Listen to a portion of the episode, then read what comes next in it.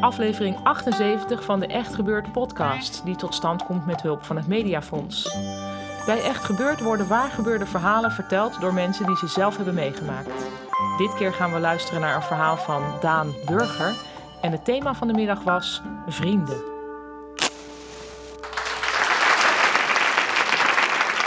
Het begint eigenlijk allemaal bij het maken van keuzes. En dat is een heel erg uh, een zin die je eigenlijk op alles kan toepassen als je dat wil. Maar momenteel heb ik het over studiekeuze. Dat is iets wat eigenlijk heel veel mensen moeten doen. Maar het is helemaal niet zo makkelijk als dat men zegt. Want je bent namelijk 17 en je weet nog helemaal niets. En dan heb je ineens een scala van mogelijkheden. En ik denk dat het er echt wel meer dan 10.000 zijn of zo. Je kan alles bestuderen wat je wil. En als nou, dit rode lampje bijvoorbeeld. Je hebt vast wel een soort van studie die er iets mee doet. Um, en dat getuigt ergens van passie en dat vind ik iets heel erg moois. Ik zat er net ook te praten met, uh, met mijn huisgenoten die allebei geneeskunde studeren. En iemand zei het woord genetica. Met zoveel overtuiging dat ik iets had van ja, weet je, dit genetica gewoon. Dit is, ik snap wat je bedoelt. Het is gewoon uh, genetica. Dit is iets in ieder geval. Ik was niet zo toen ik 17 was. Ik had geen idee wat ik wou, alleen dat ik soort van dingen wou creëren en de wereld insturen op een bepaalde manier. Uh, wat men dan doet, is dus niet gaan voor links uh, geneeskunde of rechts rode lampjes, maar voor rechtdoor communicatiewetenschap. dus uh, daar stond ik gewoon communicatiewetenschap te studeren. Um, en het ding is met communicatiewetenschap is dus dat degenen die dat doen niet echt weten waar ze mee bezig zijn. Als in, die hebben iets van, oké, okay, ja toch? dus je komt, ik, kwam in mijn eerste, ik kwam in mijn eerste cluster terecht en ik keek eigenlijk om me heen. En ik zag 18 meisjes met zo'n hoofd dat het eigenlijk niet echt goed genoeg is allemaal. Dat is echt een bepaald soort hoofd. Sommige mensen vinden dat ook aantrekkelijk. Um, ik niet. En, um, maar het waren niet alleen 18 meisjes, want ik zat er zelf ook bij, dus dat maakt 19. En een vriend van me, een gast waar ik later bevriend mee raakte, zat er ook nog bij, dus 20. En nog één andere dude. Um, ik, uh, zoals een echt een, nou, het eigenlijk Ali. En um, dat was, heel, ja, was een beetje een rare gast. Zo iemand van je denkt van ja, daar moet ik misschien niet te veel uh, mee omgaan. Want dan ben ik die gast die met hem heel veel omgaat. En ik was net nieuw in Amsterdam. Ik had helemaal geen vrienden, want ik kom uit Haarlem. Daar heb ik die R. Is wel erg.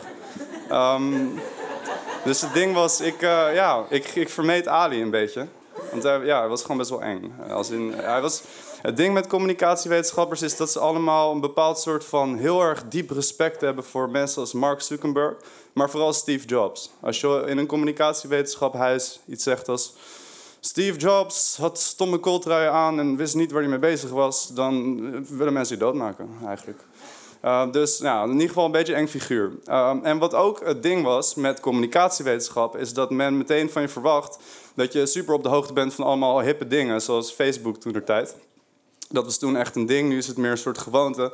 En ik leerde dus eigenlijk theorieën over Facebook. Nou ja, dan ben je natuurlijk echt een sukkel als je zelf geen Facebook hebt. Want ja, dat, dan wordt het allemaal een beetje ongrijpbaar. Dus ik dacht, oké, sociale druk, tijd om een Facebook-account aan te maken. Nou ja, gedaan, Facebook, uh, helemaal leuk. En wat men doet op Facebook is eigenlijk stalken. Um, en gewoon informatie inwinnen over je medemens. Iets dat sowieso inherent is aan de mensheid, maar digitaal is het natuurlijk allemaal weer iets nieuws. Super spannend. Dit ook trouwens, ook best wel spannend eigenlijk. Um, maar, um, ja, maar goed, dus ik leerde dingen over Facebook en ik werd steeds meer, steeds meer begreep ik het van oké, dit is dus de studie die ik doe, dat gaat dus over Facebook, dus oké. En tegelijkertijd maakte ik zelf er ook allemaal ontwikkelingen in door en ik was een beetje aan het kijken naar meisjes die ik interessant vond en deed ik een background check als het ware van hè, wat, wat vindt ze tof, welk onderwerp kan ik wel aansnijden, wat kan ik beter niet zeggen. Je kan ook aangeven of je een religieuze overtuiging hebt. En dat is natuurlijk altijd een beetje een, ja, een, een lastig onderwerpje, weet je wel. Dat wil je wel weten van tevoren.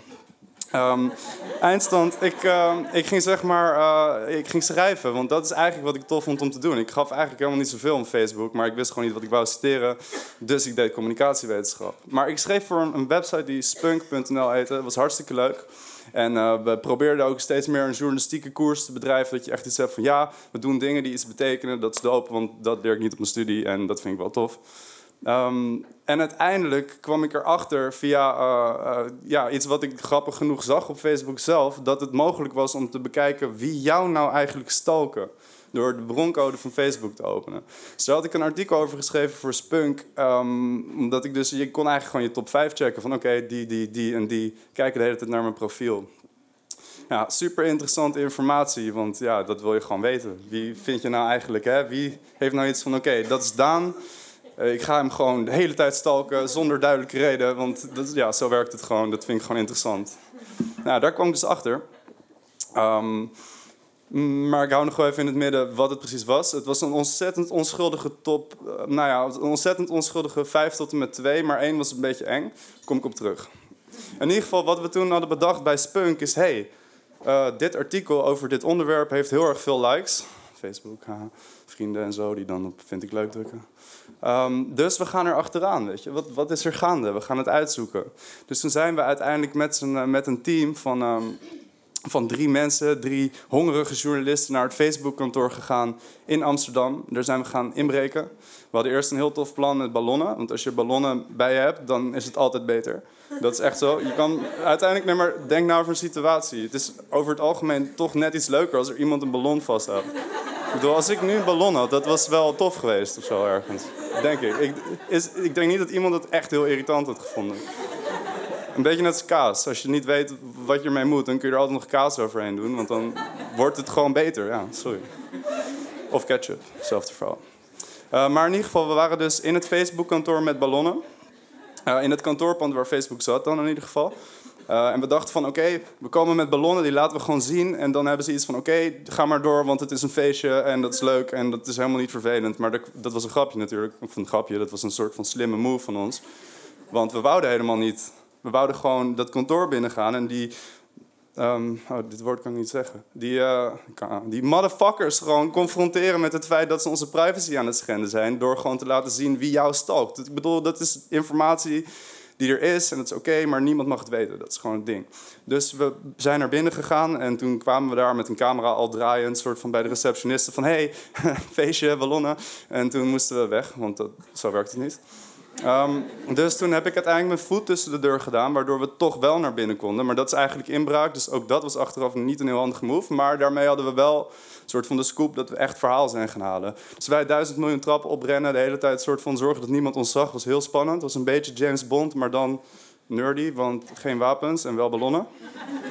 Um, en uiteindelijk kwamen we bij een soort vet lange Stanley Kubrick-achtige gang. En aan het eind zat één deur met een blauwe F erop. Dus we werden helemaal blij en zo. Dus wij gewoon aankloppen. Het werd allemaal gefilmd. Het staat nog steeds online trouwens. We zijn niet aangeklaagd achteraf. Dus op die deur kloppen en zo. Niemand deed open. Want het bleek dat het hele Facebook-team uit Nederland op een soort van uh, cocaïne-party in Engeland was. Dat was jammer. Maar goed, uiteindelijk hadden we daar toch een tof verhaal. Want toen kwam er nog iemand van het kantoorpand die zei... hey, dude, wat zijn jullie hier aan het doen? Ga weg. Weet je, dit is niet echt oké. want mijn enige taak van mijn baan is zorgen dat dit niet gebeurt. En het gebeurt nu wel. Dus ik ben best wel boos en ga de fuck weg of zo. Um, ik zei, ga de fuck weg, dat kan niet. Ik heb zeg maar nu een ding met mijn vriendin bedacht... dat als je een woord zegt als chill of chick of, of gewoon domme woorden... dat je dan dons zegt en dan een alternatief ervoor bedenkt. Dus ik zei, ga de fuck weg, dons. Ga alsjeblieft even naar huis of zo. Ja, dat dus. Um, maar goed, eindstand. Aan het eind van die dag um, lag ik in bed...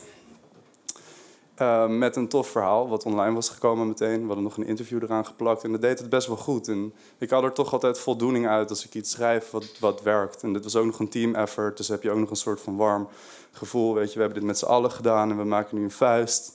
En dat is mooi.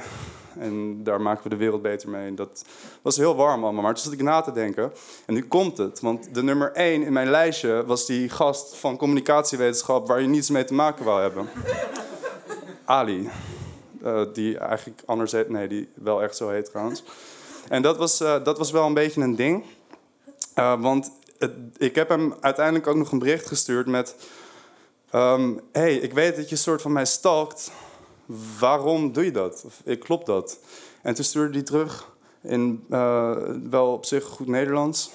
Want ja, communicatiewetenschapsstudent. Je moet wel goed kunnen formuleren waarom Facebook een bepaald model volgt. En, Um, en hij stuurde terug, ja, de laatste keer dat ik op jouw profiel was, was uh, ongeveer vier weken geleden, was voor een foto of zo. Wel tof dat je dit hebt uitgevonden. Ik zou best wel willen weten welke chick, ook zo'n woord, mijn profiel voor het laatst heeft bekeken.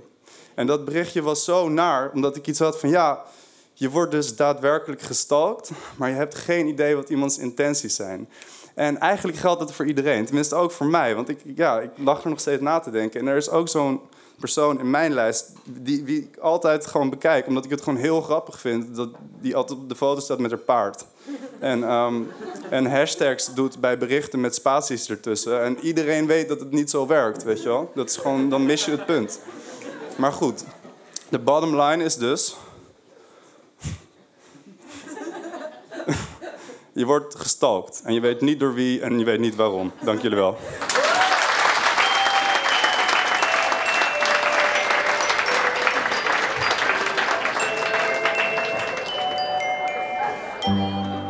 Het verhaal van Daan Burger. Daan doet van alles en de makkelijkste manier om op de hoogte te blijven van zijn activiteiten is door hem te volgen op Twitter. En daar heet hij apenstaartje Daan Ende. Echt gebeurd wordt iedere derde zondag van de maand opgenomen in Toemler onder het Hilton Hotel in Amsterdam. Heb je zelf een bijzonder verhaal te vertellen of wil je er gewoon een keertje bij zijn als er waar gebeurde verhalen worden verteld? Ga dan naar echtgebeurd.net. Daar staat ook informatie over de thema's voor volgend seizoen. Verder raad ik nog even aan de zomer feestelijk af te sluiten met de aanschaf van een van de twee luisterboeken van Echt Gebeurd, waar de mooiste verhalen op staan. En voor wie dit luistert via iTunes, ga ook eens naar woord.nl. Daar staat deze podcast op, maar er is nog veel meer mooie audio te vinden. Duizenden uren. Zelf luisterde ik net naar een heel mooi oud interview door Tony van Verre met Annie Schmid. De redactie van Echt Gebeurd bestaat uit Eva Maria Staal, Micha Wertheim en mijzelf, Paulien Cornelissen. De productie wordt gedaan door Rosa van Toledo en de techniek door Nicolaas Vrijman.